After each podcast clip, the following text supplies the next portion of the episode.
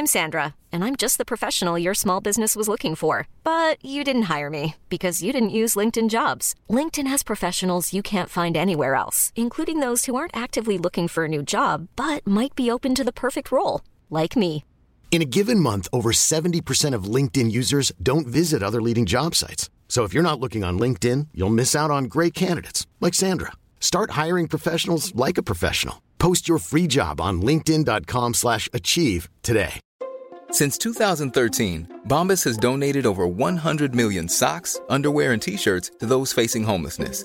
If we counted those on air, this ad would last over 1,157 days. But if we counted the time it takes to make a donation possible, it would take just a few clicks. Because every time you make a purchase, Bombas donates an item to someone who needs it. Go to bombas.com slash ACAST and use code ACAST for 20% off your first purchase. That's bombas.com slash ACAST, code ACAST.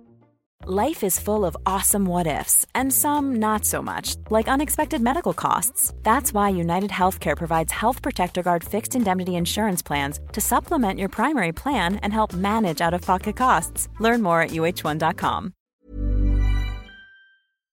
Vi är denna vecka sponsrade av Indie Beauty. Och Sofie, det här tycker jag är extra fint och extra roligt. Ja men Indie Beauty är ju ett skönhetsvarumärke som jag tror att väldigt många känner till, men det jag älskar mest det är att Indie Beauty liksom vill vara mer än bara produkter, vilket de ju också är. Exakt, Indie Beauty står ju för Independent Beauty, skönhet på dina villkor och för din egen skull. Och Indie Beauty tror ju stenhårt på ett alternativt skönhetsideal fritt från måsten, skam och känslor av otillräcklighet. Där är jag helt med Indie Beauty. Jag med. Det är så jag vill att skönhet ska vara. Ja men verkligen. Och vet du vad som är nytt för i år Sofie? Berätta. Från och med i år så skänker Indie Beauty 1% av sin försäljning till Suicide Zero, Tjejzonen och Djurens Rätt. Så när man handlar produkter från Indie Beauty så kan man liksom känna att man också ger tillbaka till samhället. Ja, kraften i tillsammans. Ska jag säga en sak nu då, Mm. som jag, det, men det är detta jag är extra glad över. Nu har Indie Beauty tagit fram en keps och den tycker jag ändå så på sommaren, skyddar sig från solen. Jättebra, jag älskar kepsen. Men det bästa, de bidrar till Suicide Zeros viktiga arbete för att minska antalet självmord och självmordsförsök. Så för varje såld keps så går hela vinsten, 100 kronor, direkt till Suicide Zero. Då kan man liksom göra nytta både för samhället och sin hud på en och samma gång. Ja, och kepsen kostar 169 men alltså hela vinsten går då som sagt till Suicide Zero. Mm. Så om man vill göra skillnad när man är där ute i solen, nu när den börjar titta fram, då ska man välja den här kepsen. Den säljs exklusivt på indiebeauty.se och på Apotea. Tillsammans kan vi skapa en ljusare framtid. Vi ses med kepsarna på! Tack Indie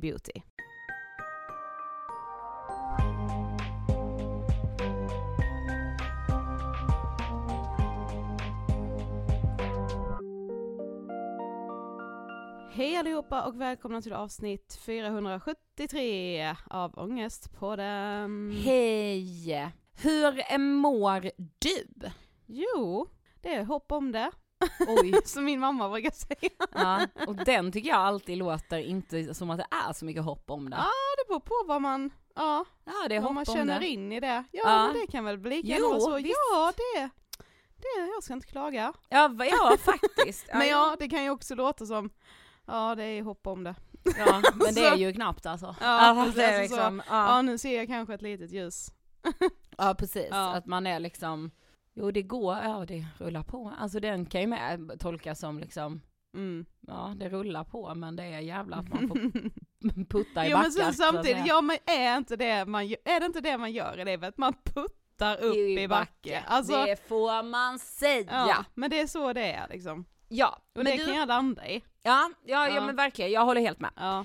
Men du vi har ju med oss en, en gäst som redan har varit hos oss idag. Ja. Men nu är han aktuell med en ny bok. Vi Yes. har med oss psykiatriprofessorn Christian Ryck. Ja. Som nu är aktuell med eh, en ny bok om suicid. Precis, den heter Ett liv värt att leva, varför självmord blev människans följeslagare. Yes. Jag ska vara helt ärlig, jag var lite eh, nervös inför den här intervjun.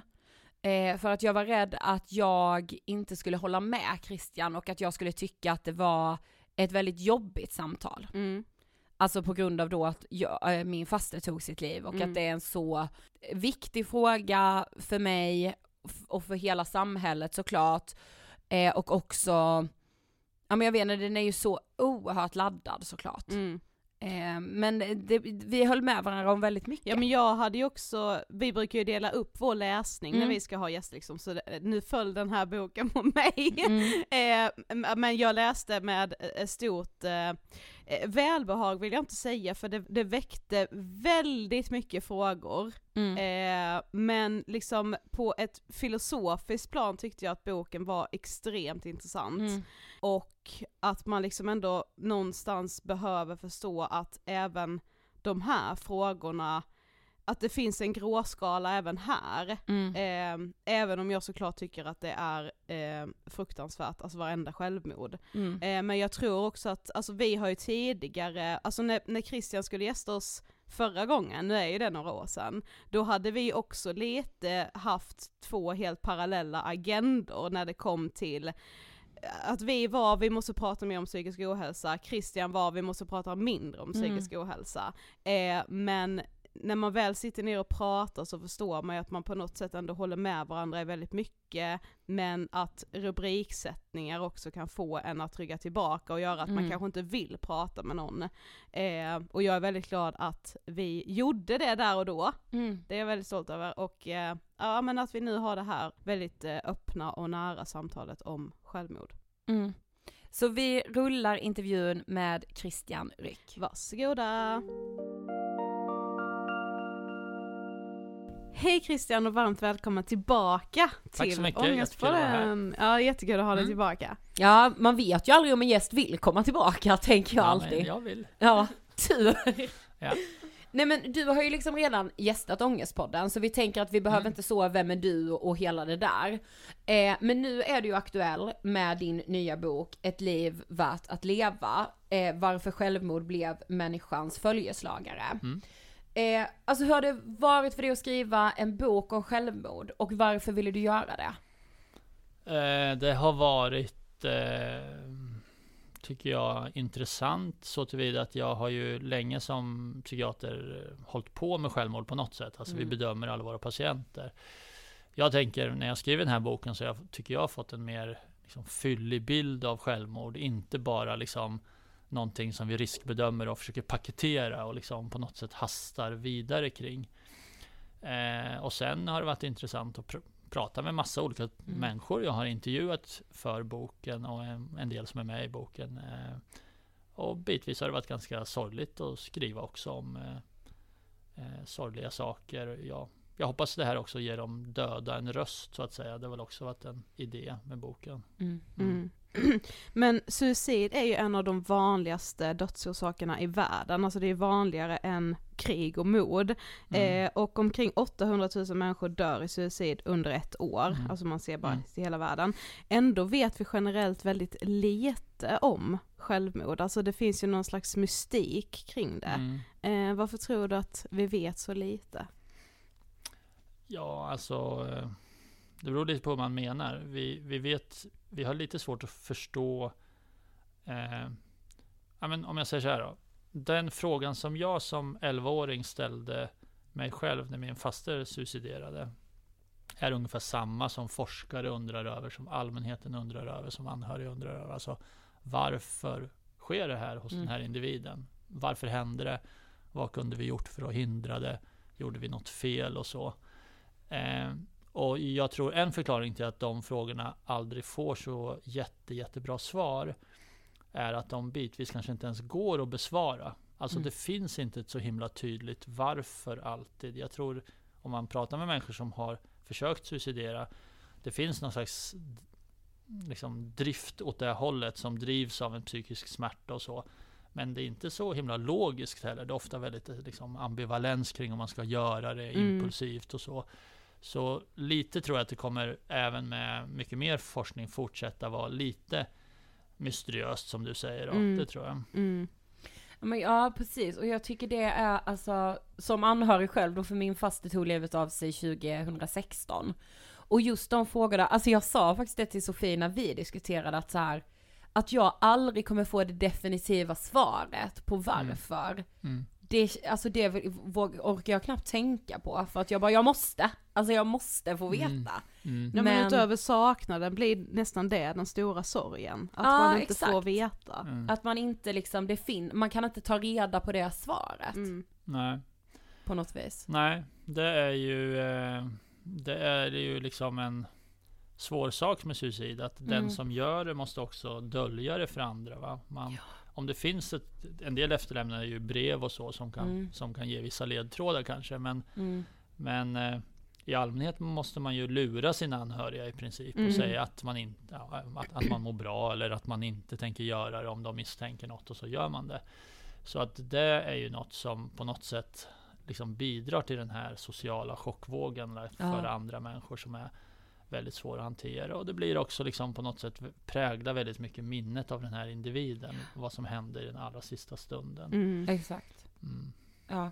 ja, men som sagt så är du psykiater och professor i psykiatri vid KI och även vetenskaplig rådgivare till American Foundation for Suicide Prevention. Mm. Det är otroligt ändå. Alltså Ah, ditt ah. CV är otroligt Mm. Christian.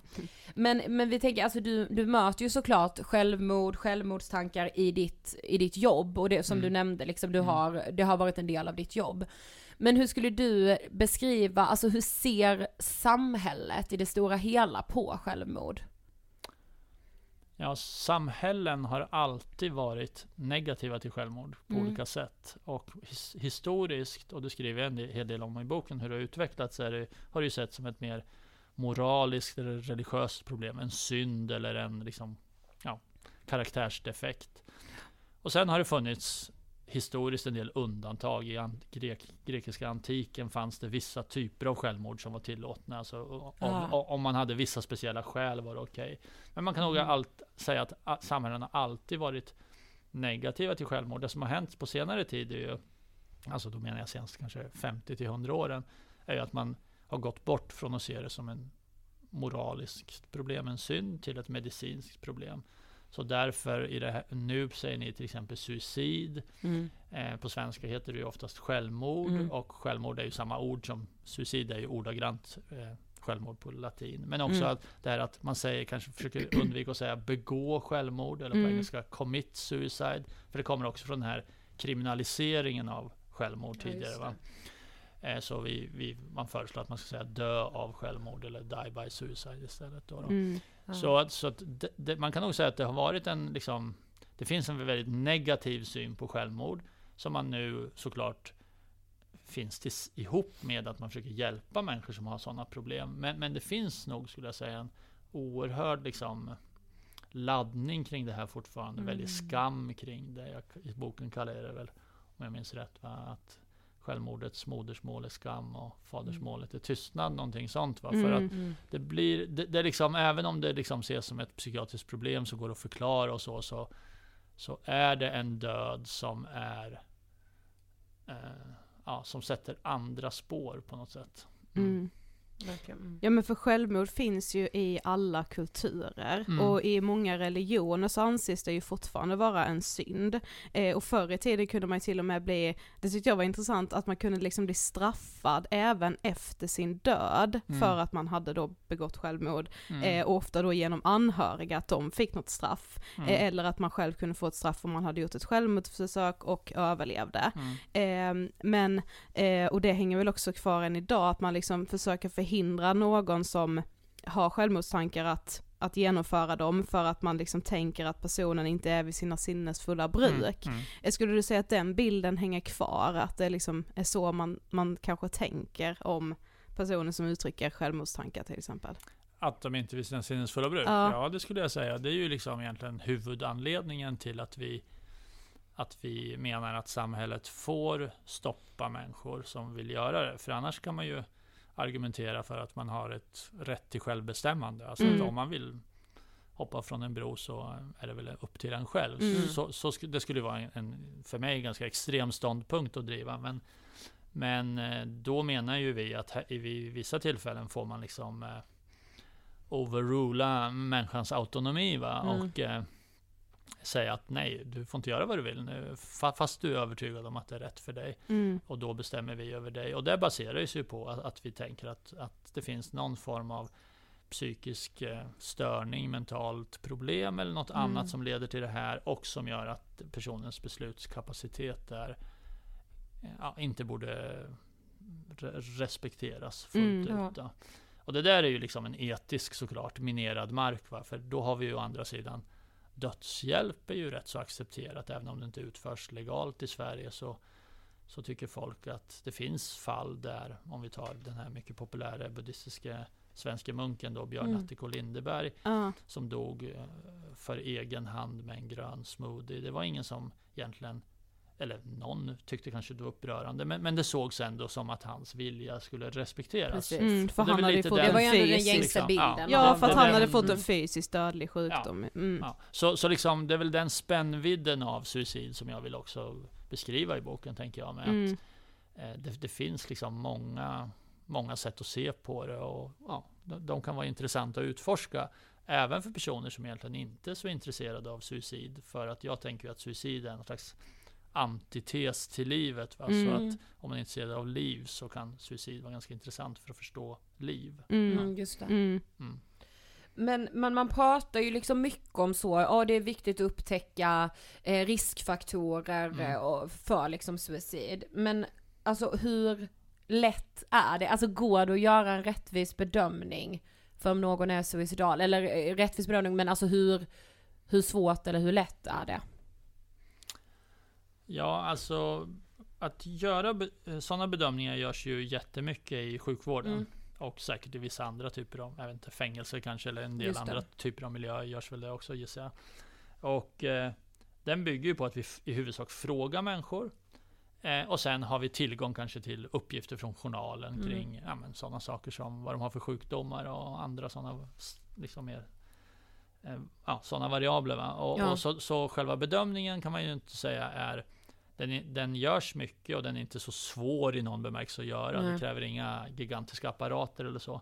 Men det som är problemet är ju att precisionen i bedömningen, alltså i vilken grad de verkligen förutsäger vad som ska ske i framtiden, är inte så bra som vi skulle vilja. Det är Mm, alltså i mm. själva verket ganska svårt att förutsäga om någon kommer suicidera eller inte, även om man gör sitt allra bästa.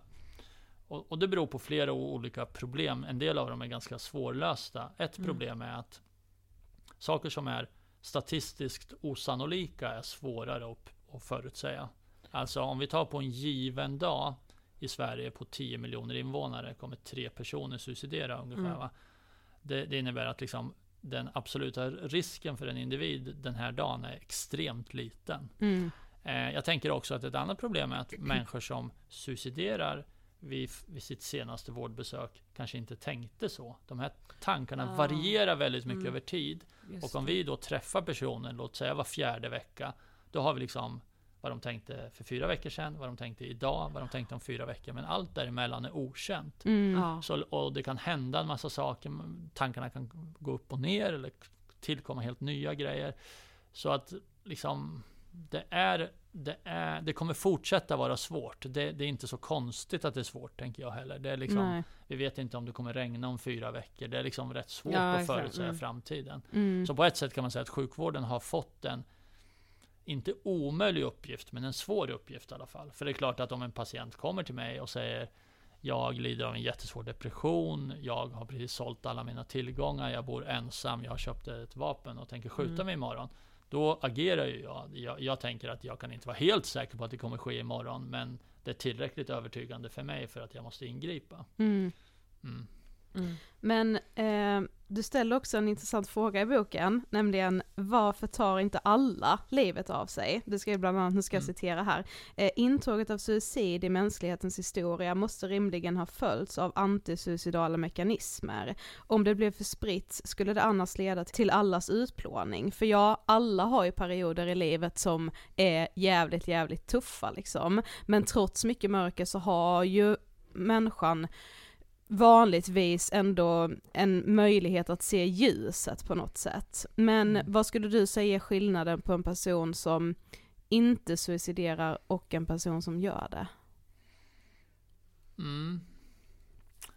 Ja, om, får, får jag börja med lite mer så här backa bandet lite kan man Mm, säga. Att du får backa, det jag menar är ju att eh, människor till skillnad från djur suiciderar ibland. Mm. Eh, Homo sapiens är troligtvis den första människo, människosorten som har börjat suicidera. Beroende på att våra hjärnor har utvecklats och börjat få jätteavancerade egenskaper av typen kunna se sig själv utifrån, kunna föreställa sig framtiden, kunna tänka att framtiden kommer bli hemsk. Mm. Eh, kunna tänka det finns inget hopp. Mm. Det, det kräver ju att man kan föreställa sig en framtid, vad som ska ske då. Det tänker jag att en katt inte kan, utan en katt Mm. i högre grad är här och nu. Liksom. Ja, fan vad skönt. Eh, och, och sen tänker man också att vi kan förstå att döden finns som ett fenomen. Ja. Alltså att, Ja, mm. eh, att dödlighet är permanent och en del sådana saker som små barn heller inte förstår. Utan det kommer efter några, ett, eh, ja, kommer inte ihåg ålder nu, men det kommer efter ett tag. Mm. Så det, det är ingen självklar sak. Och när man har fått de egenskaperna, som ju är jättebra för människor att ha i största allmänhet, att vi, jag menar, att, att vi kan tänka så avancerat. Så som en biprodukt av det så uppstår också möjligheten att ta livet av oss. Så det kommer en slags utvecklingssteg hos människor där, boom, det här plötsligt finns i livets historia här. Mm. Och då är det såklart så att alla människor, som du säger, alla människor är frustrerade och ledsna ibland. Och det är klart, om allt man vill är att slippa smärta så kan man ju, om man dör så slipper man ju smärta. Mm. Eh, så då, ja men det här tycker jag, det, det är ju det här som är en så liksom fascinerande och lite provocerande fråga.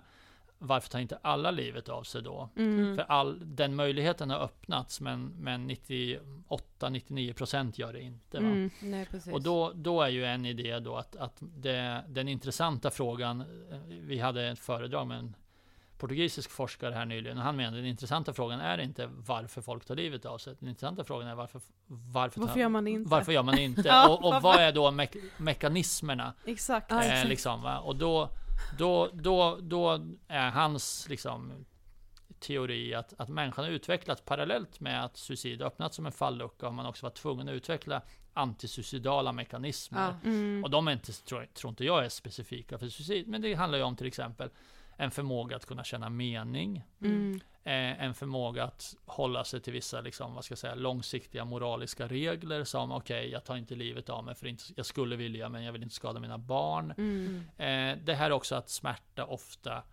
även om man hamnar i en jätte, jättesvår situation med, med svåra liksom, psykiska påfrestningar, så har människan en väldig förmåga att anpassa sig och adaptera till det. Mm, Alltså att mm. Liksom, även de, de flesta som hamnar på death row eller i Auschwitz tar inte livet av Nej, sig. Utan man, ja, i någon mening kan finna sig i situationen och liksom, alltså jag menar inte att, att det skulle vara en bra situation såklart, men, men att man har en väldig förmåga till, eh, till liksom att ändå liksom klara sådana sit- situationer och upprätthålla någon, någon slags livsgnista och så. Mm. Ja, det måste ju ändå ha Ja. funnits något slags hopp Ja. för må- många av dem som var, Ja. så här, ja, några i Auschwitz eh, tog livet av sig, absolut. men de flesta gjorde inte det. Nej, men de måste ju ändå ha haft kvar något slags hopp om att så här, ja det kommer fortsätta, jag kommer bli, fortsätta bli plågad, men det kommer få ett slut. Ja, och den här överlevnadsinstinkten man då pratar om, eller jag vet inte, ja. Ja men Ja. för det, men det gud, var jag intressant för att liksom, du- vad den portugisiska forskaren, jag tycker det var väldigt intressant. Ja, jo men också för du skrev ju också att så här, man har ju också någon slags mekanism i att så här, jag vet att du tar som ett exempel att när du gick liksom läkarlinjen och Ja, första gången skulle Mm. liksom skära i någon Mm. annan, att så här, Mm. det är någonting som går emot Ja, en, absolut, att absolut. skada en annan. Vad är det Så är också, det, är, det något undermedvetet Ja, liksom? men det, är ju, det är ju faktiskt rätt så fascinerande med, eh, med, med den här frågan. För Ja. att eh, och, och det är ju något som, som, som är också intressant. För man utnyttjar det då för att stoppa självmord. Mm. Så, så eh, det, är, det, det är, tror jag, för de allra flesta jättesvårt att göra suicidförsök och ta sina liv. Det, Mm. det är verkligen något som man eh, verkligen vill undvika på många, många olika sätt. Men, Mm.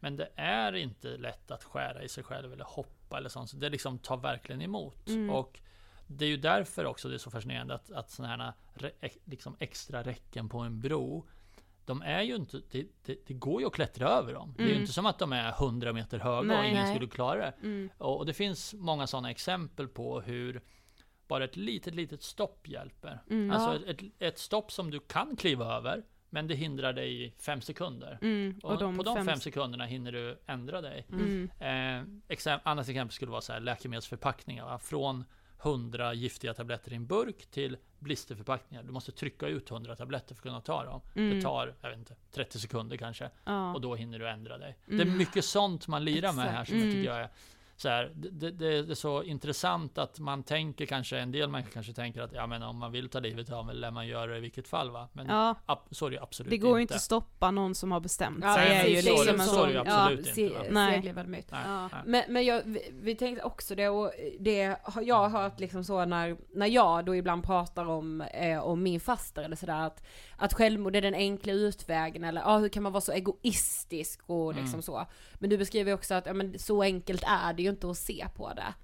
Nej, Eh, nej, och jag, jag tror det finns ju såklart olika typer av undantag här. Men om man Mm. tittar på det typiska självmordsbrevet som människor lä- lämnar efter sig är det ju ofta Finns det ju en omsorg om anhöriga där. Man vill verkligen inte skada anhöriga. Man förstår man kommer göra det. Men man, Mm. man försöker undvika. Jag har ju med Virginia Woolfs Mm. avskedsbrev i boken. Och det är ju om man kan säga som ett självmordsbrev, otroligt vackert skrivet. Men hon var ju författarinna av rang också. Men, Ja. men hon försöker verkligen förklara för maken att han har gjort allt för henne. Mm. Eh, och att de har haft ett fantastiskt liv. Eh, det är väldigt rörande att läsa måste jag säga. Eh, men just det här då med att man liksom ändå kan, ja men säg att man skulle ha, att man ska trycka ut alla tabletter eller att man har ett extra räcke på en bro Mm. liksom för att ändå hindra någon. Eh, finns det ta- statistik på hur, hur impulsiva självmord är? Eller hur impulsivt det är liksom? Ja, det finns ju... Eh, och, och det här eh, blir ju också ett, en utmaning då. För att det är klart att om, om, en, om liksom självmordsprocessen är lång så har man ju fler tillfällen att ingripa. Alltså större chans att någon berättar det på sitt läkarbesök eller Mm. ja, till sin anhörig. Eh, och så vet man också att det finns en del där processen väl, vä- går väldigt snabbt. Man Mm. har eh, inte tänkt det förut. Och så tänker man det och två timmar senare är man död. Mm. Jag skulle säga att det är undantagen, men att de finns. Mm. Och sen finns det såklart de som, där det händer något exceptionellt i ens liv. Va? Man blir typ förnedrad eller eh, det händer något katastrofalt i ens liv. Eh, då, då tänker jag mig också att, att, det kan, att man hamnar i en, i en situation där det kan gå ganska snabbt. Mm. Eh, eh, och det är ju liksom, Men Det är är det ju- vanligast att det ändå har ta, alltså, sker över tid? Att Ja, man det typ får säga, absolut. självmordstankar, Ja. börjar planera och sen kanske gör ett Ja. försök. Och, Ja. ja. Så, så det, det är en forskare som menar att det är upp mot en tredjedel som går väldigt snabbt. Det skulle jag tro, utan att ha några direkta data som styrker det, att det är kanske lite högt skattat. Men, Ja. men det Mm. finns ändå en, en grupp. Och vi vet ju också Mm. att av de som dör i suicid, särskilt bland män, så är det ju en, en betydande grupp som aldrig har kon- kontakt med sjukvården. Mm. Det. Mm. Eh, utan det, det händer så att säga direkt. Så Mm. då, då blir det mycket svårare för oss då att Ja men liksom om vi inte, om vi inte känner till dem, om de inte finns hos oss. Nej, hur ska, ja, hur ska vi ingripa då? Och då är Mm, såklart, mm. så kan man säga att de här modellerna som handlar om blisterförpackningar, räcken, eh, göra he, hela världen lite säkrare ur det här perspektivet. Exakt. De, de funkar ju på alla, det är ju fördelen med dem. Mm. Mm. Exakt. Men sen 2008 så har ju Sverige en nollvision eh, mot självmord då. Mm. Eh, och ja, vad är det, se- 16 år senare, alltså det har ju inte hänt speciellt mycket i statistiken. Eh, generellt, alltså den har ju sjunkit något, Mm. men till exempel åldersgruppen eh, 15 till 24 så ser man väl snarare en ökning. Eh, varför införde man en nollvision från första början? Ja, alltså Sverige hade ju då innan haft en nollvision för trafikdöda Mm. som var väldigt, uppfattades som väldigt framgångsrik. Det som hände också var att, att varje människoliv eh, ekonomiskt uppvärderades när man analyserade om det var värt att bygga en rondell eller ja, vad man nu Aha, skulle göra i mm. trafiken som såklart är jättedyrt. Men då räkn, då först tror jag siffran sattes till 20 miljoner, nu räknas det på 40 miljoner och sånt där. Så, så man, det blev liksom någon slags realitet av det här också. Och så såg man att trafikdöda minskade. Eh, och man kan säga att i trafiken har man ju haft mer det här brorex-tänket. Mm. Bara för att förklara vad jag menar så är det så att i sjukvården eh, försöker vi identifiera vilka personer har hög risk och sen hjälpa dem. Och det vet vi är svårt som jag sa förut. Mm. Precisionen där är låg. Eh, minskningen av trafikdöda har ju inte alls gått ut på att identifiera vilka 200 personer som kommer dö i trafiken Nej. i år. Det har vi ingen aning om. Just det. Men vi gör ingrepp i hur trafiken funkar, att bilar blir säkra, att man måste ha bälte, man ska inte vara full, bla bla bla och så vidare. Mm. Som påverkar alla då. Prevention by design kallas det här istället för individbaserad prevention. Och det är väl där liksom kanske svårigheterna finns med en nollvision för suicid. För att vi har inte så kraftfulla metoder så att det är realistiskt att kunna nå noll. Vi har, inga, vi har inte så bra metoder att varken identifiera människor som är hög risk eller om de är hög risk göra, eh, liksom ta bort risken helt. Och då tänker jag då att, eh, att en, en fara med att ha en nollvision, och det låter kanske konstigt att prata om en fara här, det är att en del av de åtgärder vi gör mot individer har också liksom, har nackdelar. Om jag till exempel, och det kanske ni har pratat om, gissar jag i den här podden förut va? Det finns ju många patientorganisationer nu, en som heter Synligt till exempel, som tar upp en del av de skador man kan få av vård. Alltså att bli tvångsvårdad kan vara väldigt traumatiskt och påverka ens psykiska hälsa. Mm. Så en del av, om det var så att allt vi gjorde bara hade fördelar, då skulle det här vara liksom ingen fråga Ja, egentligen. Men det är så precis. att en del av de ingrepp vi gör mot människor har för och nackdelar. Och då är det, tror jag, viktigt att inte... Om man tänker då att suicid aldrig ska få hända, så tänker jag att vårdpersonalen påverkas negativt av det. Det blir för högt fokus på min trygghet som läkare och för lite fokus på personens trygghet. Eh, förstår ni? Mm. Jag, jag tänker så här, Mm. exempel skulle ju vara Nej men jag, jag lägger in alla som, som har nå- någon som helst suicidrisk Ja, på för sjukhus. jag vill inte ha det så, på så, mitt. må- så, slipper Exakt. så slipper jag problemet om man Ja. uttrycks lite enkelt. Mm. Eh, men eh, det kanske inte är det bästa för den personen. Ibland Nej. kanske det är bättre att de får gå hem även om det finns en minimal risk. Mm. För att det är bättre för dem på lång sikt. Mm. Och vi, vi hamnar ju mycket i, med människor som är kroniskt suicidala, hamnar med i de här problemen annars. Att de blir inlagda hela tiden och så blir man Ja. sämre av det. Ja men ni Mm, förstår, det ja. är lite det som är Mm. risken. Så eh, i någon mening tänker jag mig att, att skapa en världsbild där suicid liksom inte borde hända och bara händer på grund av olika misstag folk gör. Mm. Det, det stämmer liksom inte. Det, det är inte därför människor dör i allmänhet. Sen, sen finns det misstag som sker. Ja, Men, mm. men i någon mening må, måste man, tror jag, acceptera att det här är en del av den mänskliga existensen som det är just nu. Va? Och det betyder inte att man inte ska försöka minska suicid. Det är jätteviktigt, det jobbar jag också med. Det är många som jobbar för det. Men jag tror att att skapa en bild av att det egentligen borde vara noll Mm. är inte hjälpsamt helt enkelt. Nej. Hiring for your small business? If you're not looking for professionals on LinkedIn, you're looking in the wrong place. That's like looking for your car keys in a fish tank. LinkedIn helps you hire professionals you can't find anywhere else, even those who aren't actively searching for a new job but might be open to the perfect role. In a given month, over 70% of LinkedIn users don't even visit other leading job sites. So start looking in the right place. With LinkedIn, you can hire professionals like a professional. Post your free job on linkedin.com slash achieve today. Quality sleep is essential. That's why the Sleep Number Smart Bed is designed for your ever evolving sleep needs. Need a bed that's firmer or softer on either side? Helps you sleep at a comfortable temperature? Sleep Number Smart Beds let you individualize your comfort so you sleep better together. JD Power ranks Sleep Number number 1 in customer satisfaction with mattresses purchased in-store. And now, save 50% on the Sleep Number limited edition Smart Bed for a limited time. For JD Power 2023 award information, visit jdpower.com/awards. Only at a Sleep Number store or sleepnumber.com. Hey, it's Ryan Reynolds, and I'm here with Keith, co star of my upcoming film, If, only in theaters, May 17th. Do you want to tell people the big news? All right, I'll do it. Sign up now and you'll get unlimited for $15 a month in six months of Paramount Plus Essential Plan on us. Mintmobile.com slash switch. Upfront payment of $45 equivalent to $15 per month. Unlimited over 40 gigabytes per month. Face lower speeds. Videos at 480p. Active Mint customers by 531.24 get six months of Paramount Plus Essential Plan. Auto renews after six months. Offer ends May 31st, 2024. Separate Paramount Plus registration required. Terms and conditions apply if rated PG.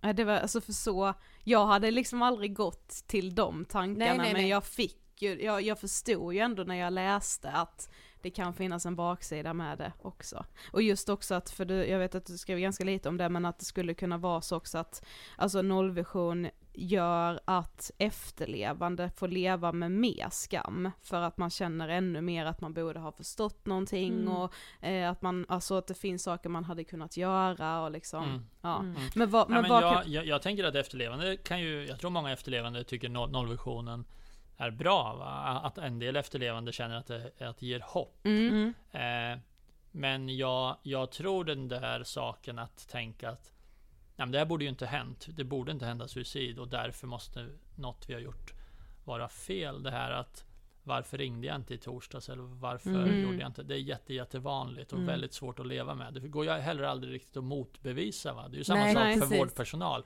Ja, men man kan säga så här, jag gjorde en bra bedömning, men mm, gjorde du det? Alltså liksom, Ja, eh, eftersom det hände. Mm. Eh, Det, det, liksom, det går aldrig att liksom känna sig helt säker på att man gjorde Nej. sitt, allt perfekt. om Mm. Nej, nej, precis. Mm.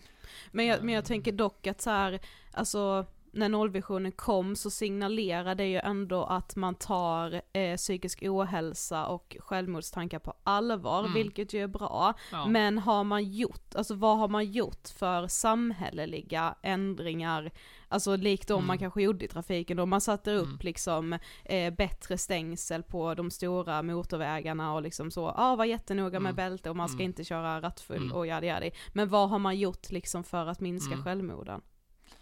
Ja, alltså.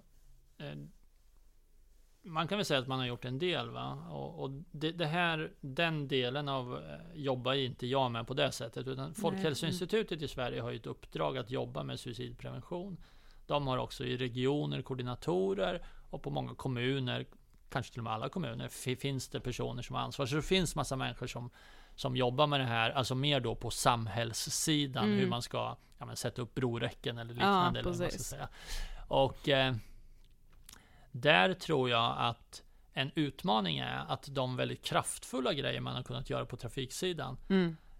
det finns inte riktigt den typen av Nej. jättekraftiga saker. Utan broräcken har en viss effekt och medicinförpackningar har en viss effekt.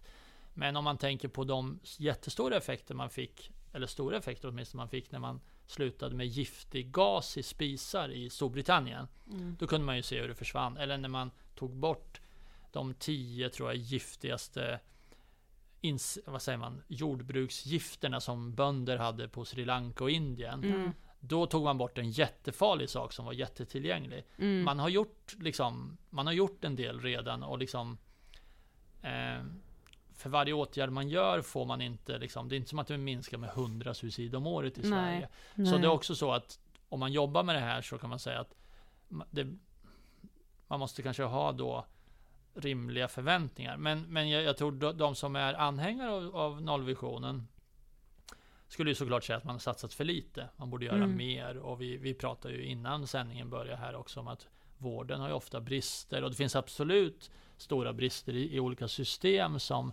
som kommer påverka eh, människor som är suicidala. Mm. Mm. Sen kan man säga att det lite liksom obegripliga med suicid är att det är olika vanligt i olika länder. Alltså Ja. det finns ju Mm. många länder där suicid är mindre vanligt i Sverige. Där man har betydligt mindre sjukvård och satsat mindre på broräcken i Sverige. Så att, Mm. så att liksom exakt vad, vad, det, vad som gör att vissa regioner och länder har mer och mindre är en, verkar vara en ganska komplex sak som inte är jättelätt att veta alltid. Nej. Men finns det Mm. några länder som sticker ut? Alltså där man eh, oförklarligt har väldigt, eh, alltså hög självmordsstatistik eller någonstans där man tänker Oj, här borde det vara högt men det är väldigt lågt. Alltså är det några sådana länder som urskiljer sig? Ja, kanske. Jag är, jag är faktiskt inte super... eh, Jag hade behövt eh, kolla statistiken innan jag svarar på den frågan. Men man kan säga att det som är... Det man ser globalt ändå är att Mm. suicid över längre tid går ner globalt. Ja. Det är ju en väldigt positiv utveckling. Ja. Och, och i, i Sverige var ju suicid mycket vanligare på 80-talet. Mm. Vilket heller inte är sådär superlätt att förstå. För många har ju en lite nostalgisk bild av hur tryggt och bra Sverige var på 80-talet.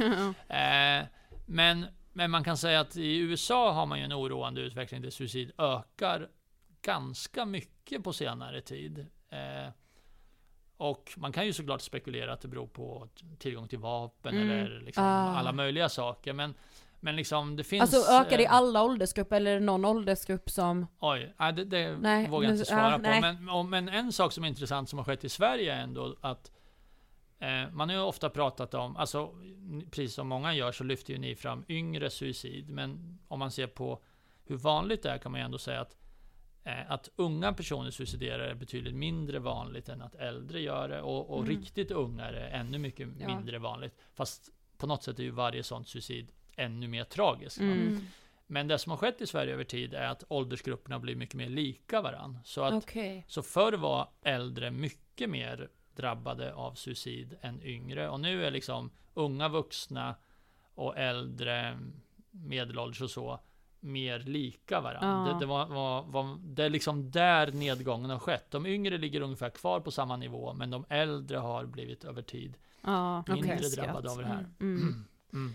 Men du har nämnt det lite här nu, men en annan viktig diskussion som du har i boken handlar ju också om just aktiv dödshjälp. Ja. Eh, och i några länder så är det ju lagligt idag och till en början så handlar det ju framförallt då om att hjälpa personer som fått en fysisk sjukdom att liksom dö på ett värdigare sätt än att dö i sjukdomen. Eh, men sen så efter ett tag så ställdes då frågan varför ska svårt psykiskt sjuka personer undanhållas den mänskliga rättigheten att dö på ett värdigt sätt? Mm. Eh, Och då kanske det handlar om att man har liksom en svår psykisk sjukdom som gör att man känner att man inte har ett liv värt att leva helt Mm, enkelt. mm. Eh, är det liksom en mänsklig rättighet att dö på sina egna villkor? Eh, oj, det var en svår fråga. Mm. Eh, Förväntar mig inte ett helt klart jag, tydligt jag svar. tänker att det beror på lite kanske vad man menar med frågan. Eh, nej skulle jag väl i huvudsak svara va? För, för Mm. att eh, Frågan blir också om samhället bör ställa upp och ta livet av dig så att säga. Mm. Eh, eller ge dig tillgång till ja, mediciner eller annat som gör att du kan göra det själv. Mm. Så, så det är lite olika i olika länder. I vissa länder så är det en läkare som ger en spruta. Eh, och i vissa länder, så, som Schweiz till exempel, då eh, läkaren tar inte livet av dig, men du, du får den dödliga medicin. De fixar det så att Mm, säga, ja. så, så du behöver bara ta den.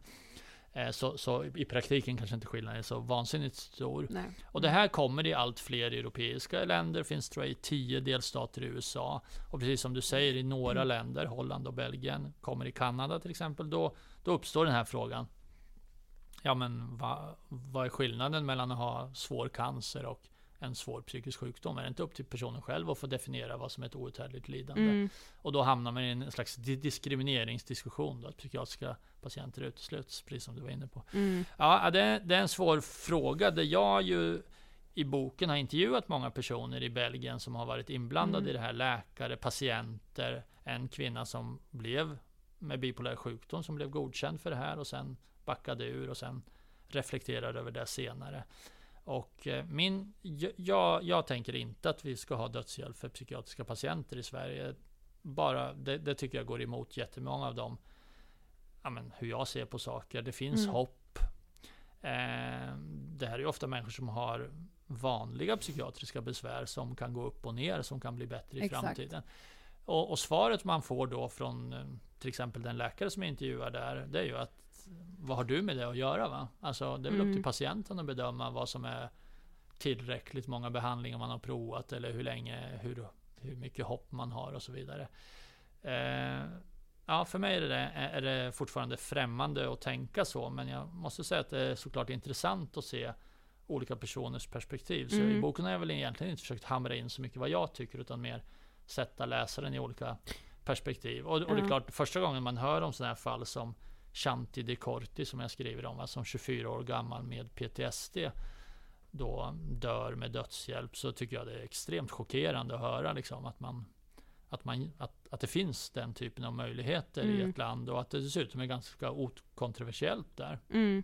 Ja, men vet att, jag kommer Mm. inte ihåg vilken av läkarna, jag tror det var en kvinna Mm. eh, som, som också hade liksom argumentet att så ja, men om det är någon som mår väldigt dåligt eh, och har liksom, jag bedömer att risken för självmord är extremt hög och att just att många självmord är väldigt liksom eh, ensamma, ångestladdade, eh, ö- ibland också ganska brutala. Så Mm. menade ju hon då så att om jag kan göra så att den här personen får dö eh, liksom med mindre ångest, Mm. kanske med sina anhöriga på Ja. ett lugnt och stillsamt sätt så tyckte hon att det, Ja. det räckte liksom. Ja. Nej men precis, hon, hon, eh, eh, ja, hon tycker ju att eh, det här är ett sätt att rädda folk från suicid. Ja, precis. Och att suicid är hemska och det här är inte en hemsk död. Mm. Eh, så, så, så absolut. Och hon har ju liksom bedömt, jag tror över tusen personer i Belgien för det här. Eh, så att det är ju en, det låter ju ganska rimligt när man hör det så. Eh, jag tänker problemet är bara att suicid är så otroligt definitivt. Du Mm. kan liksom inte ångra dig. Eller ja, det, jag, jag beskriver ju i boken också några som har fått av en ännu mer eh, profilerad dödshjälpsaktivist tillgång till ett gift. Va? Och så tar de det. Det är ganska krångligt att komma få, få tag i det. Och så ringer man 112 så fort man har tagit det och vill leva. Mm. Men då dör man. För det, ambulansen hinner inte fram. Va? Så att liksom det är så definitivt. Mm. Så ska man, ska man lå- låta det här ske eller inte? Det är ju det är en ja, svår etisk fråga tycker jag. Mm. Mm. Ja, för men jag tycker ju, alltså, s- jag, jag tycker ju den diskussionen, alltså som anhörig, så man är ju, jag är ju såklart oerhört färgad, men för mig är det ju provocerande, Mm. nästan. Alltså, Mm. det är ju, alltså, jag är så här, va, alltså, och jag vet, alltså, det handlar väl någonstans om att jag tycker att, ja men just det vi var inne på är att så här, okej men har vi gjort avvägningen att, eh, alltså hur kan vi veta? Alltså det, han, tänk om det här handlar om fem sekunder eller det handlar om en Mm. minut. Alltså ja det är no, ja jag vet Ja, inte. de- personerna kommer ju inte kunna dö i Belgien och Holland och Kanada Nej. heller. För, för du behöver söka, liksom, det måste vara en eh, kontinuerlig önskan och så. Men, men det är intressant ändå att lyssna på de här människornas erfarenhet lite grann. För de tar upp ett problem som, som liksom svårt suicidala, kroniskt suicidala patienter har. Det är att de, det är svårt för dem att prata med någon. För om man Mhm. tar upp det blir folk så jäkla oroliga. Och vårdpersonal vill också agera hela tiden. Så om du berättar när du kommer på besök, då vill de lägga in dig. Och Fast det du vill vet man att inte. Du kanske inte vill det. Du kanske har haft det så här varje dag i ett år. Du, det är inte en bra hjälp för dig, men, men, men liksom det, det utlöser en reaktion hela tiden. Mm. Så, så de berättar ju lite grann att när man är i den här processen så träffar man någon där det inte handlar om att de ska lägga in dig Mm. längre, utan det handlar om vill du leva eller dö? Och det finns liksom livets väg och dödens väg. Att, att, de, det. att det finns något, att man kan diskutera så att säga förutsättningslöst Mm. Ah, är något som annars tror jag är ett problem för suicidala personer. Att liksom, ja men, eh, du kanske inte vill att de ska prova en ny medicin på det. Så att du drar dig för att säga som det är för Mm. att folk, ja men det finns ju klart en anledning att folk vill agera. Ja. Men mm. det kanske inte alltid blir som personen själv uppfattar på ett hjälpsamt sätt. Då. Mm. Nej. Och det är kanske heller inget du socialt kan diskutera med folk. Nej just Eller hur? Alltså, Nej, många nej, nej. människor skulle bli panikslagna. Jag skulle ju va? ringa Eller- polisen liksom. Ja. Eller alltså jag skulle ju, Ja. alltså om någon skulle skriva till mig att nu funderar jag på det här, då skulle jag, min första reaktion skulle vara att ringa 112. Ja, det är Såklart. liksom det man har lärt sig att man ska Ja. göra. Att man också Och så... det ska man väl, vill jag verkligen understryka. Ja, då, Mm. det, Ja. det är inte så att jag in, eh, menar något annat på ett sätt. Men, Nej. men liksom, jag tror för en, i, i vissa typer av samtal kanske det skulle vara viktigt att försöka lyssna på varför vill du det? Och det, det där jag tänker lite också saknas i sjukvården. Att Mm. Ja. vi, vi är väldigt fokuserade vid riskbedömning. Alltså så här, är det hög, låg, är det jättehög risk? Mm. Men, och sen, okej, ska vi lägga in, ska vi inte lägga in på sjukhus? Men jag tänker en, en viktig fråga för patienten är så här, ja men vad är det som gör att jag känner så nu och går att göra någonting åt det? Mm. det förstår ni, den här Mm. varför-frågan, man Mm. måste på något sätt eh, det finns en risk tror jag att vi i sjukvården är så fixerade vid riskbedömning. Också lite drivet av den här idén att det aldrig får hända. Så vi måste Mm. verkligen kolla på risk, risk. Fast den bedömningen är ganska kass. Så att vi, vi, vi missar då att säga så här, ah, men om tre veckor ska den här personen ett, få ett jätteavgörande samtal av Försäkringskassan eller det här kan Ja, hända i dens mm. liv. Alltså vad är, det vi, vad är det vi kan ändra på i den personen, hjälpa den personen att ändra eller fixa med i livet som gör att livet blir lite mer värt att leva Ja. eller säkrare. Mm. Förstår ni vad jag tänker? Alltså, exakt. från ett, ett liksom predik- riskprediktionstänk, alltså riskförutsägelsetänk till ett preventionstänk mer. Att man måste liksom ändra lite, lite mindset där tror jag. Mm, Mm. Ja det tror verkligen jag också. Eh, men alltså att prata om självmord är ju väldigt svårt. Eh, Mm. Och det finns ett fenomen som antyder att alltså, rapportering kring självmord har Mm. en risk att få självmorden att öka. Eh, kanske framförallt då om det är en känd person som Mm. har suiciderat och så rapporterar man om det, då har man kunnat se Mm. att liksom tiden, tiden kort därefter så har det ökat lite. Mm. Eh, liksom vad tänker du kring, för det är ju fortfarande eh, viktigt, det här, jag tycker det här samtalet är superintressant och viktigt. Eh, Mm. hur ska man liksom prata om självmord utan att liksom, Mm. vi ska ju heller inte normalisera självmord. Nej, nej, nej, nej.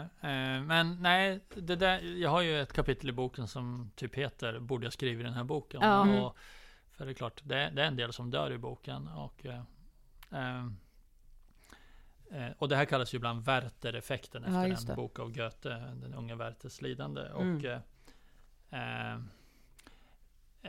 det är väl, det finns inte sådär vansinnigt stort stöd för att det är en jättestor sån effekt. Va? Eh, och det är precis som du säger, man tänker att det handlar ofta om rapportera inte kända personers eh, suicid med detaljer om tillvägagångssätt. och så. Nej precis.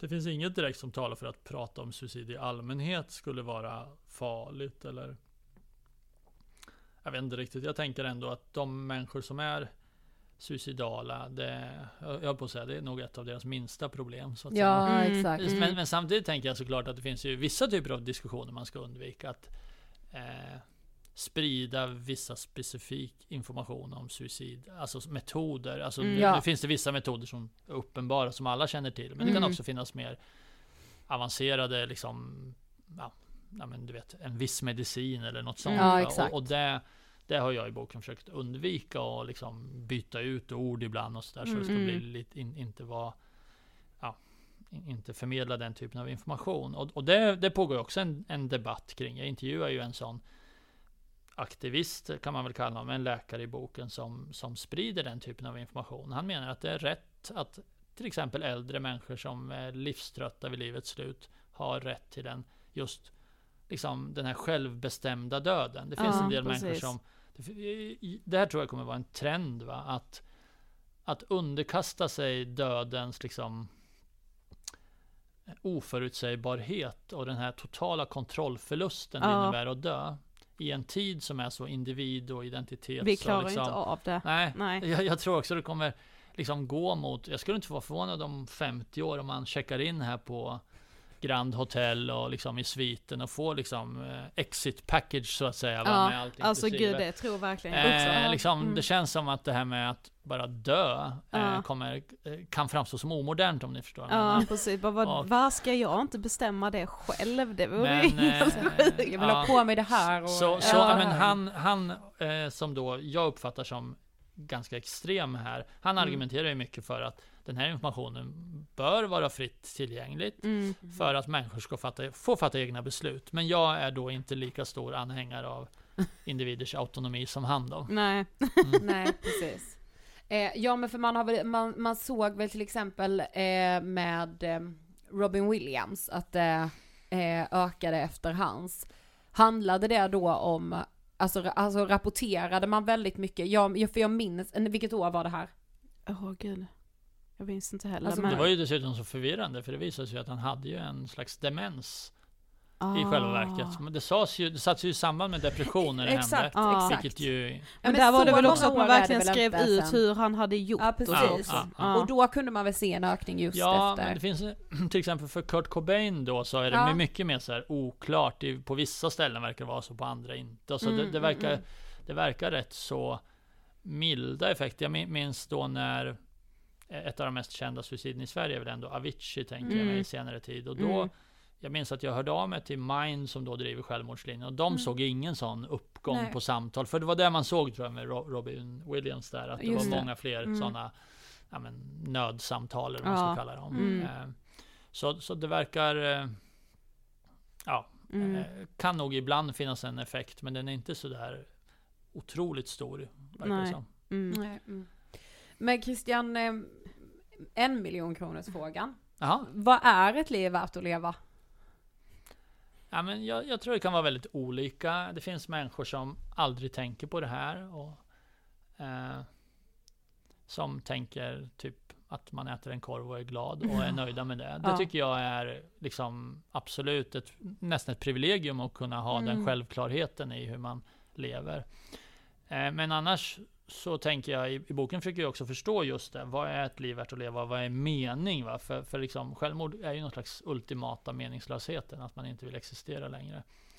Och mycket av det som ger mening verkar handla om relationer, gemenskap, eh, att uppfatta att man gör någon slags skillnad i världen, att ens existens betyder någonting för Mm. någon. Va? Ehm, det verkar också som att liksom göra bra saker för andra ofta uppfattas som meningsfullt. Att vara i ett sammanhang där man ja, hjälper någon på något sätt och så. Så att eh, och, jag menar, I mitt liv tycker jag att, att hålla på med de här psykiatrifrågorna är väldigt meningsfullt för mig. Liksom. Jag uppfattar det som meningsfullt. Det behöver inte andra uppfatta som meningsfullt. Liksom. Men just, det är väl det också som är grejen. Att för någon är att ja, titta på exakt. IFK Norrköping-matcher supermeningsfullt. Och för någon är det helt Och för någon är det Helt- Hammarby så att liksom, säga. ja, och för någon är det, ja men ni förstår det. För, Mm. förmågan är lite olika där. Ja, att men se liksom eh, Diamonds in the rough. Jag tycker den, alltså jag tycker hela den eh, ja, men frågeställningen, eller så vad är ett liv att leva, är så intressant. För jag vet att vi eh, för några år sedan tittade väldigt mycket på så eh, olika HVB-hem och hur de beskrev sina verksamheter. Mhm, Och det mm. som var återkommande var att man ville få patienterna då, eller liksom de som bodde på HVB-hemmen, att få ett liv att leva. Det Mm. återkom i liksom verksamhetsbeskrivningarna gång på gång. Mm. Och då ställde vi oss mycket frågan, men vad är det då? Alltså vad, vad hur... Vad var svaret? Ja men i Ja, deras ja, det- fall var det väl inte kanske så mycket liksom om relationer och så, även om det Nej. ju är jätteviktigt, det vet ju alla. Men Mm. där handlade det ju också om att så här, kunna bo själv, kunna ta Mm. hand om en liten Mm. lägenhet, Mm. kanske ha, du kan, de kanske aldrig kommer liksom, om vi ska vara liksom realistiska, kanske aldrig ha ett liksom heltidsjobb, men ett deltidsjobb eller Mm. jobba lite extra. Exakt. och Många att det är kommer, också- ju, alltså många kommer ju kunna ha ett helt vanligt fungerande Mm. liv som Mm. vilken människa som helst. Men för någon annan kanske det handlar om att börja arbetsträna. Mm. Eh, ja, svaret kom vi väl aldrig riktigt fram till. Vi ville Nej, väl undersöka Det det. är ju en men- svår ja. fråga Mm. som Och sen kan man ju säga i, i, i relation till suicid så är det också så att en hel del suicidala personer har ju ett liv värt att leva. Ja. Mm. Men när de blir svårt deprimerade, ja då blir det ungefär som för de människorna som hoppar från World Trade Center efter den här terrorattacken. Va? Mm.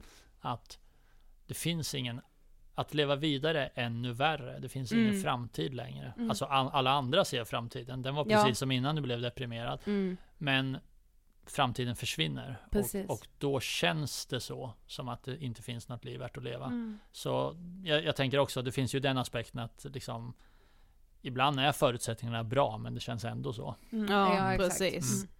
Då har vi kommit till sista frågan. Ja. Vad inspirerar dig? Mm, det inspirerar mig att kunna, att det alltid finns nya saker att eh, lära sig och intressera sig för och så. Mm. Mm. Tack Som så det här avsnittet. ja, Ja. verkligen. Ja. Tack så mycket för att du ville komma tillbaka till Ångestvardag. Tack så mycket. Du får skriva en bok till så du Ja, kan Ja, få då komma kommer du tillbaka igen. Ja, ja, Ja, bra. Tack. tack. Tack. Jag får bara säga en sak om liksom just nollvisionen som vi är inne på en del. Mm. Att, alltså att jag nog som efterlevande kan känna att den ger mig styrka. Mm. Att den liksom, jag tror att alla är ganska medvetna om att så, den går inte alltid att uppnå till 100% Nej. men en vision är, har också ett oerhört symbolvärde. Mm. och sett till hur liksom samhället beter sig kring självmord och hur, hur oerhört eh, skamfullt, eh, skamfullt det är för efterlevande eh, så tror jag att en nollvision ändå underlättar något oerhört och Mm. jag upplever att den har gjort det liksom för mig. Det är någon slags upprättelse i det. Mm. Ja, jag ser också verkligen alltså symbolvärdet i den och att det måste ha känts som en väldigt stor dag där och då när den infördes 2008. Mm. Eh, det som kan eh, störa mig lite dock, och så är det ju med mycket politik, det har ju vi märkt, eh, även i andra frågor som inte rör liksom eh, självmord just, att det, det, det kan liksom Alltså ibland tar man beslut men man fullföljer inte riktigt. Alltså här, ja det är klart att jag tycker med att nollvisionen är superviktig, jag tycker inte, jag kan se nackdelarna men tycker inte att det är eh, fog nog att ta bort nollvisionen. Det skulle vara ett steg i fel riktning tror jag. Men det är ju viktigt att man inför, att man då hjälper vården att, att hjälpa ännu fler. Alltså det, det känns som att man kan inte bara, åh nu ska vi ha nollvision mot suicid, aha okej, men vi måste ju se till så att vården fungerar då, vi måste ju se till så att de som faktiskt söker sig till första hjälpen psykiatri till exempel, får hjälp direkt, alltså att det funkar i alla led, du kan inte bara sätta nollvision och sen inte tillföra resurser till Nej. vården, för då blir det liksom symbolpolitik som blir lite äcklig tycker jag. Mm. Eh, med, ja, med det sagt, alltså, jag, jag tycker också att nollvisionen är eh, superbra och viktig. Ja men exakt. Eh, men ja, det är också intressant det här med att liksom att människan är den, den enda som, Den enda varelsen som liksom. suiciderar. Ja. Det är någonting med det som liksom är spännande och oerhört sorgligt ju. Mm. Men också som faktiskt eh, chockade mig, för jag har ju med, även om man liksom, även om vi har pratat mycket om självmord och liksom pratar mycket psykisk ohälsa på, till vardags ju, eh, så har jag ju också levt med den här föreställningen om att, att liksom Eh, har någon väl bestämt sig så är det väldigt svårt att förhindra det. Alltså Mm. typ så, nej men om man, eh, ja men som det här exemplet om att om man skulle liksom eh, sätta upp säkerhetsstängsel på en bro, ja men då går personen som är suicidal till en annan bro. Det har jag ju ändå tänkt. Jag har ju tänkt att man kan, jag som person kan stoppa dig fram tills du gör det, Mm. liksom, för att jag vill hjälpa till. Men om man, om man bara utgår från att personen i sig är helt ensam, det är ingen som vet att Mm. man är självmordsbenägen och att man har tänkt eh, ta liksom det här beslutet, eh, så har jag ändå tänkt att ja, men om det finns säkerhetsstängsel på en bro så går man till en annan, men Mm. att det har visat sig att det inte stämmer. För att det kan liksom vara sekunder som gör att Ja. man tar tillbaka sitt beslut. Ja, liksom. verkligen. Eh, Och att också, eh, dels är det så oerhört viktigt och då säger det ju med mycket om vad faktiskt stängsel kan göra Mm. och vad, alltså den typen av, men jag läste en artikel där jag tyckte att det var en intressant jämförelse, att så Mm. i skolan, i skolvärlden så säger man att så här, eh, att det inte är något fel på elevers inlärningsförmåga, utan på lärarens förmåga att lära ut.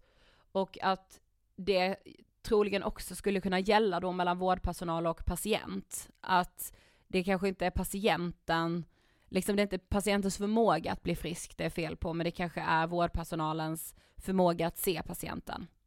Ja fast det tycker jag fan blir lite orättvist också mot vårdpersonal. Nej men alltså jag menar att det kan vara så i vissa fall. Ja, ja absolut i vissa fall men i många fall så tror jag att vårdpersonal har gjort allt de kan. Abs- ja ja ja, självklart. Alltså det, det är ju det självklart. som, det, det är det som blir det svåra med suicid, alltså för det, det, det, i de allra flesta fall så finns det ingen man kan skylla på. Det handlar inte om att eh, liksom vården skulle gjort annorlunda, det handlar inte om I att... min fastes fall skulle ju vården gjort Ja annorlunda. gud ja, gud ja det skulle de verkligen Så, alltså, ja. Ja men i många fall så tror jag att man har liksom haft en bra kontakt med sin psykolog till exempel. Ja, ja. Alltså, i, alltså din faste fick ju fel hjälp från första början, Mm. det var ju det, där var ju problemet liksom. Mm. Men så här, jag tror att liksom, och det handlar inte om att man som förälder borde ha fattat eller att man som kompis ställde fel fråga liksom.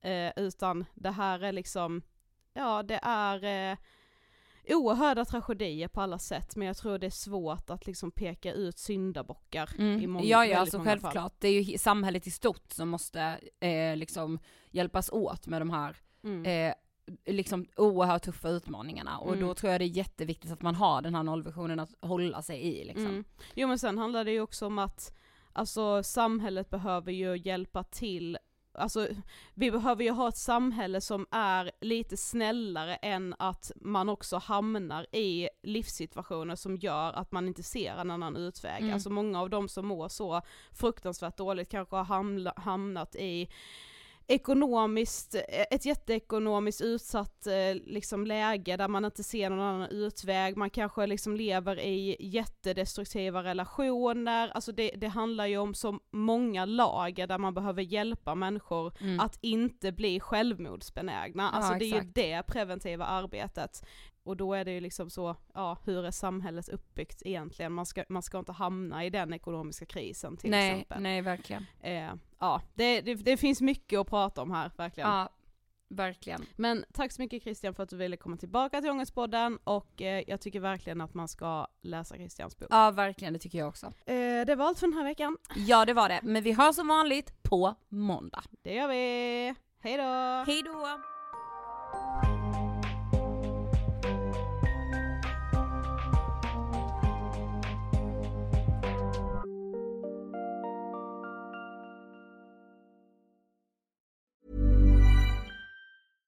This message comes from BOF sponsor eBay. You'll know real when you get it. It'll say eBay Authenticity Guarantee. And you'll feel it. Maybe it's a head turning handbag, a watch that says it all, jewelry that makes you look like the gem, or sneakers and streetwear so fresh every step feels fly. eBay gets it. So look for the blue check mark next to that thing you love and be confident that every inch, stitch, sole, and logo is checked by experts. With eBay Authenticity Guarantee, you can trust that feeling of real is always in reach. Ensure your next purchase is the real deal. Visit eBay.com for terms. Imagine the softest sheets you've ever felt. Now imagine them getting even softer over time. That's what you'll feel with Bowl and Branch's organic cotton sheets. In a recent customer survey, 96% replied that Bowl and Branch sheets get softer with every wash. Start getting your best night's sleep in these sheets that get softer and softer for years to come. Try their sheets with a 30-night guarantee. Plus, get 15% off your first order at bowlandbranch.com. Code BUTTERY. Exclusions apply. See site for details.